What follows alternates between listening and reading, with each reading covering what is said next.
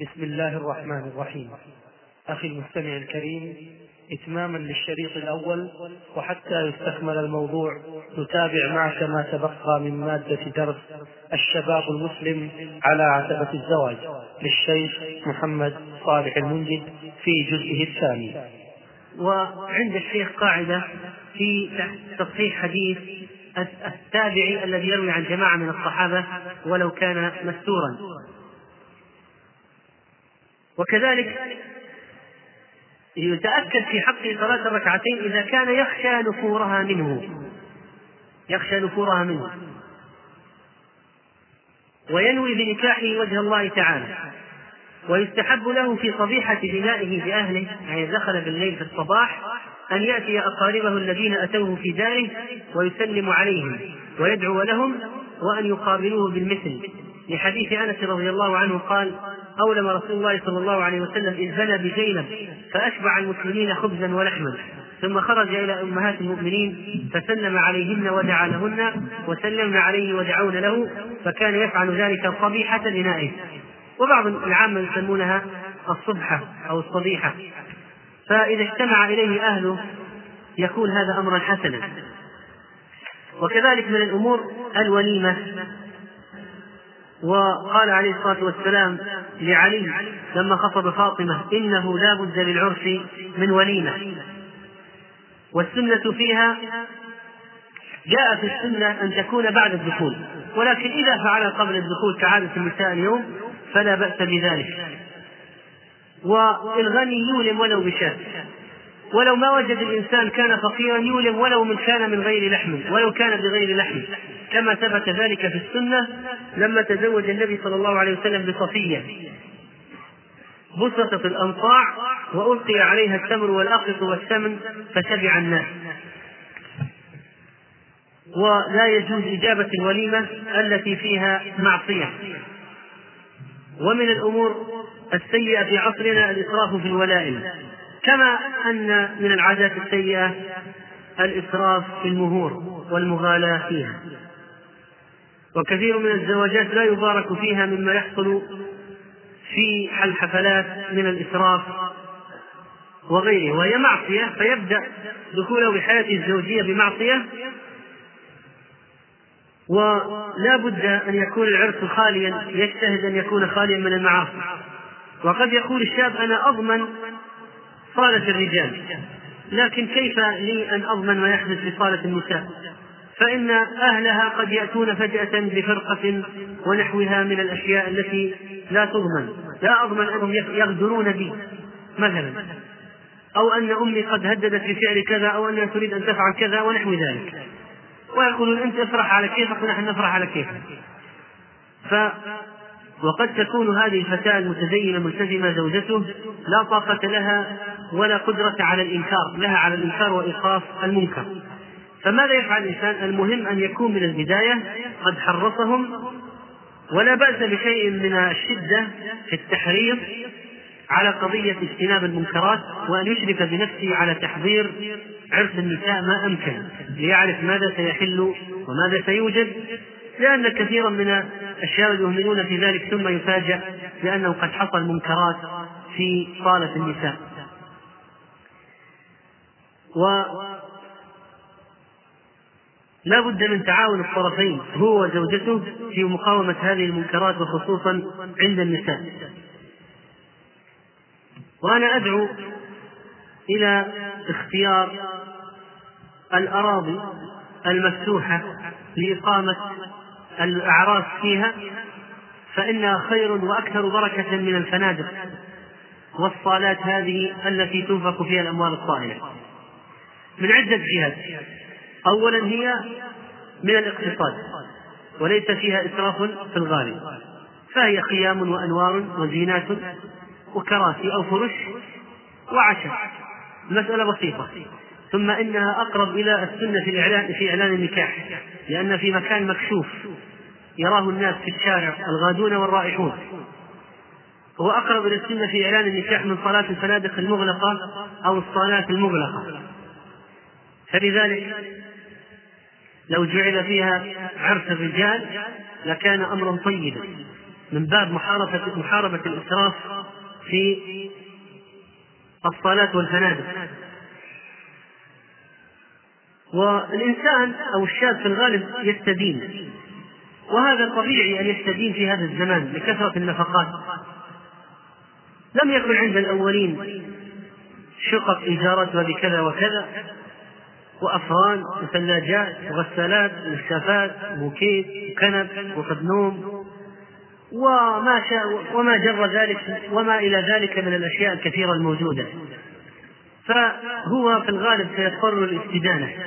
لكن هناك فرق بين من يسرف ويركب على نفسه دينا عظيما وبين من ينفق مقتصدا دون بخل ينفق فلو صار عليه شيء من الدين يعينه الله عز وجل.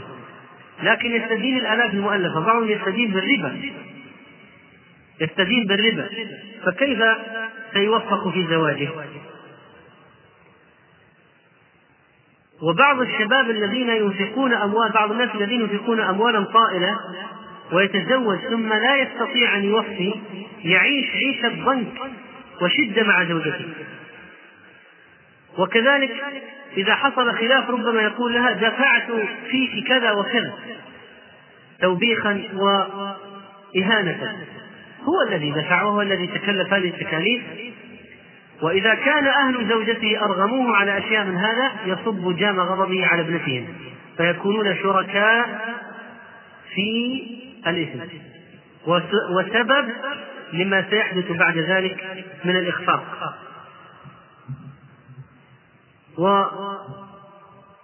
والإنسان لو اتقى الله يوفقه الله بزوجة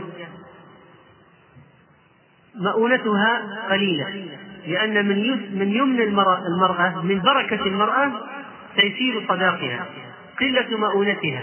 هذه من من بركة المرأة. و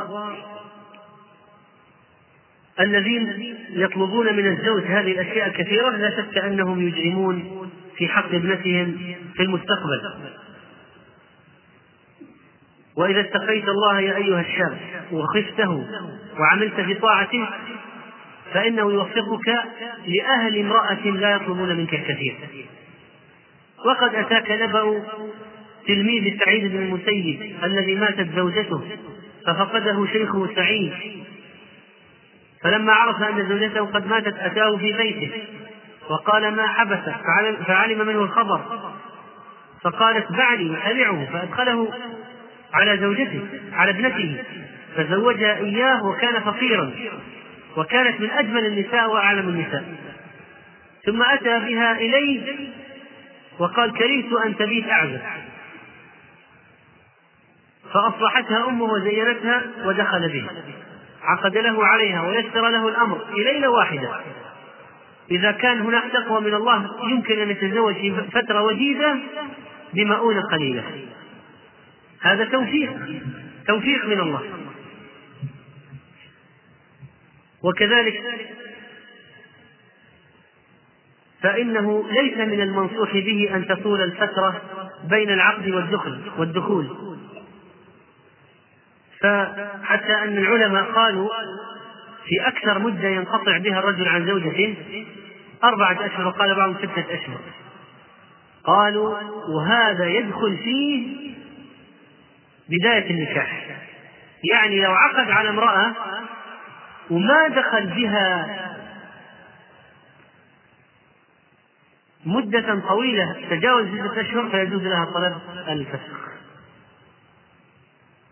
يعني المدة هذه التي يسمح التي هي أكثر مدة يسمح بها للزوج أن يبتعد عن زوجته داخلة حتى في بداية العقد.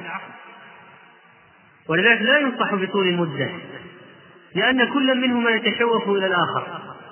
فطول المدة هذا يجر سيئات كثيرة.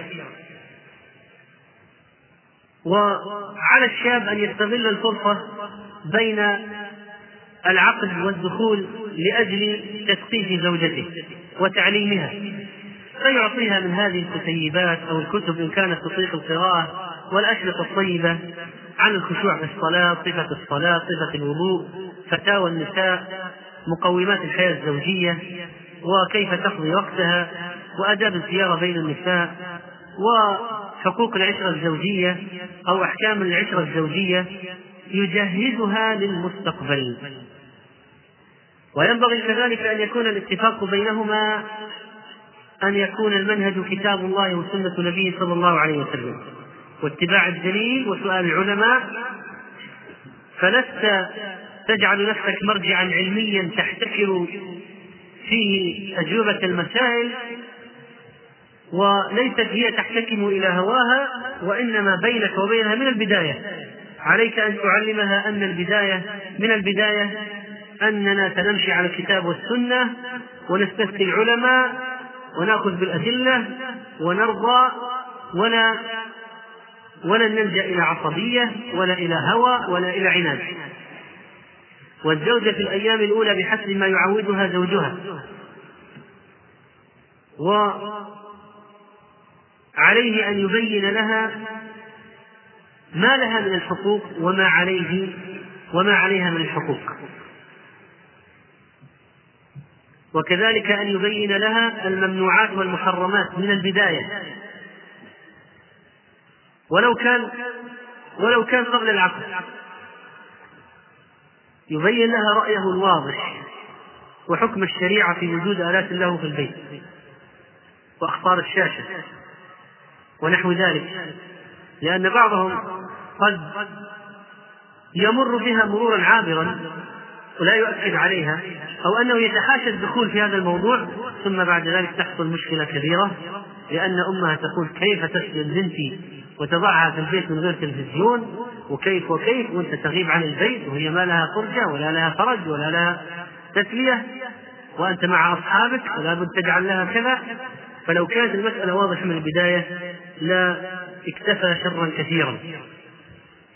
وكذلك يبين لها حرمة البيت وأسراره وأهمية حفظها وعدم إدخال أحد بينهما في المشكلات لأن نقل المشكلات إلى أهله أو إلى أهلها يوسع الدائرة ويجعل القضية أصعب في الحل. وأنه إذا صار خلاف نسأل أهل العلم. ولا بأس بالرجوع إلى العقلاء من أهله ومن أهلها عند الحاجة. وكثيرا ما تكبر المشكلات إذا تدخلت أمها أو أمه ويكون هذا التدخل من أسباب الطلاق. ويحتاج الداعية إلى الله في بداية الأمر أن يفهم زوجته قضية أو أهمية التضحية في سبيل الله. لأن الزوجة تريده كله لوحدها. ألم تقل نساء بعض السلف امرأة الزهري أن هذه الكتب أشد عليها من ثلاث ضرائر؟ وأنا أنصح أن يعجل لها بالأولاد حتى يملأ فرضها وأن يسعى في ذلك. وإذا كانت المرأة الزوجة تفوق في العلم الشرعي فلا تأخذ العزة بالإثم. فيحسم النقاشات العلمية حسب ما يرى لهوى وحتى لا يظهر بمظهر الضعيف وأنه لا حجة لديه. فهذا دين ولا مجال فيه لهذا لاتباع الهوى. وكذلك لو كانت هي داعية وهو مبتدئ فإنه لا بأس أن يتلقى منها ما يصلح حاله. هذا ولد سعيد هذا الذي تزوج بنت سعيد الذي تزوج بنت سعيد بن المسيب أقام عند زوجته شهرا منقطعا عن شيخ يتعلم من زوجته. ولا تعارض بين هذا وبين القوامة. أنت الذي تنفق وأنت الذي تطلق.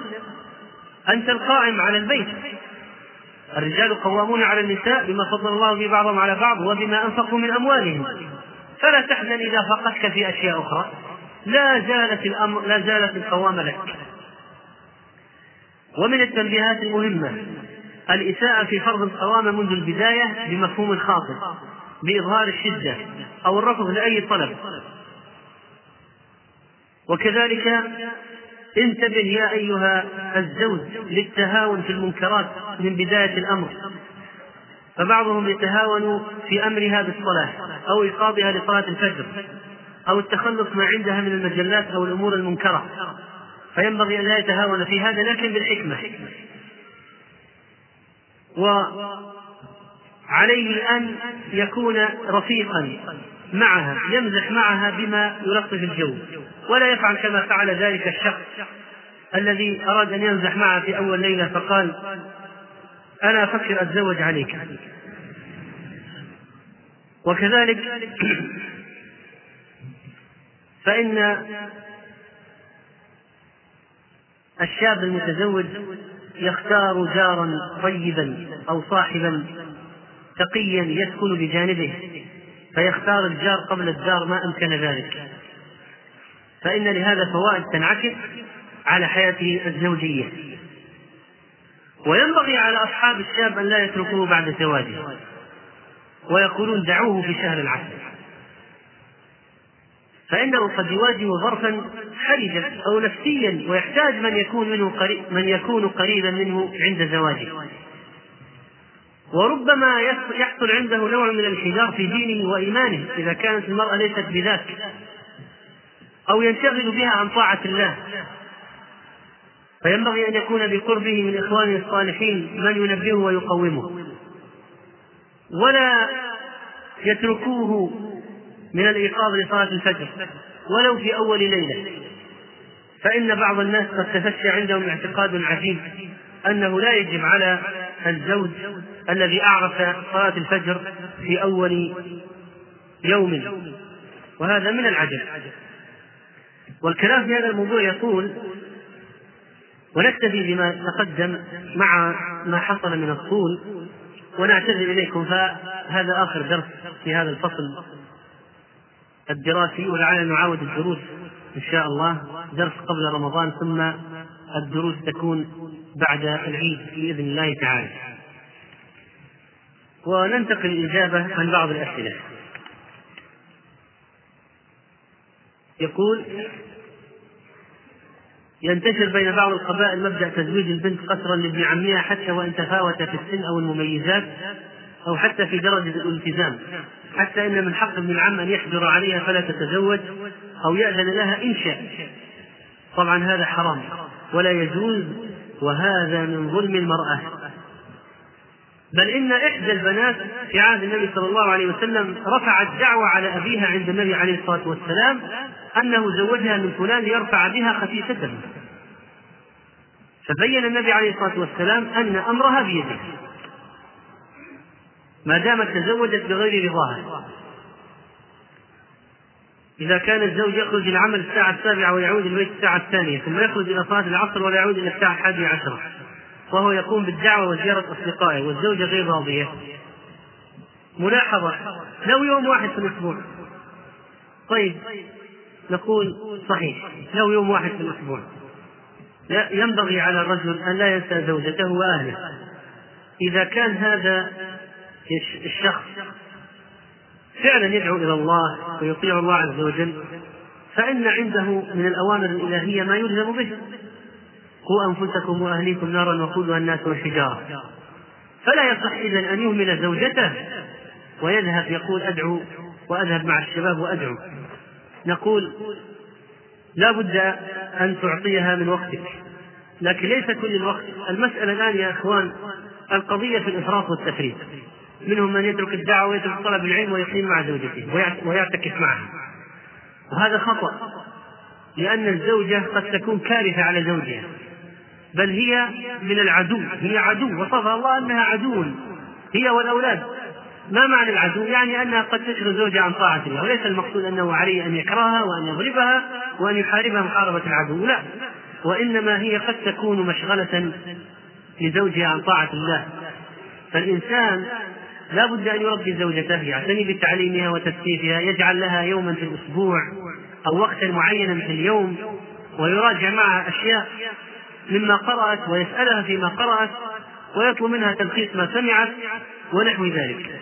وأن يجعل لها مع يبحث لها عن مجموعة طيبة من النساء تدرس معهن الدين وأن يجعل لها مجال للزيارات طيبة مع نساء أصحابه ونحو ذلك. يقول كثر السؤال حول قضية من جزئيات الاستمتاع بالزوجة ونريد حسم المسألة لأن أكثرية كثيرا من الشباب يستحيون من السؤال. نحن نجيب بالجواب إن شاء الله أجيبكم بجواب يفهم منه المقصود. أباحت الشريعة الاستمتاع بالزوجة. نساؤكم حرث لكم فأتوا حرثكم أن شئتم. ومنعت أشياء.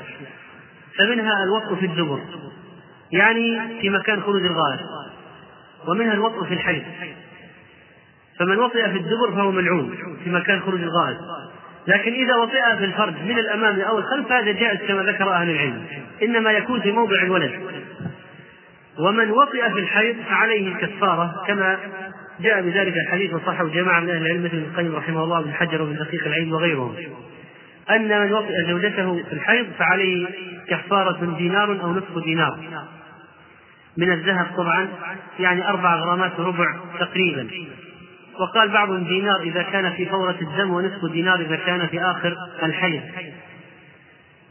أو قبل أن تغتسل وتتطهر. وقال بعضهم إذا كان غنيا دينار وإذا كان فقيرا نصف دينار. وممنوع ومحرم أي كيفية من كيفيات الاستمتاع يترتب عليها دخول النجاسة إلى الجوف. ممنوع شرعا أي كيفية من كيفيات الاستمتاع يترتب عليها دخول النجاسة إلى الجوف. والمذي من النجاسة بطبيعة الحال. نجس فلذلك نجد بعض الناس من خلال ما تفشى في المجتمع من الأفلام الجنسية أفلام الفحش والخنا يتطرق اليه بعض هذه الأشياء فهذا جواب السؤال. يقول في قلبي شك من زوجتي من أول ليلة من الزواج لأنني لم أجد شيئا من علامات البكارة. الجواب هذه من القضايا التي يتعرض لها بعض الناس فعلا في مقدمة الزواج. وأريد أن أقول ما يلي. أولا ليس من الشرط وجود الدم. وثانيا إن ما يتحدث عنه هذا الشخص أنواع. فلذلك يتصور بعضهم تصورا معينا. أول إتيانه زوجته فإذا خالف ذلك في خالف الواقع الذي رآه ما عنده في تصوره ذهب إلى اتهامها مباشرة وهذا أمر خطير جدا. من فضلك اقلب الشريف.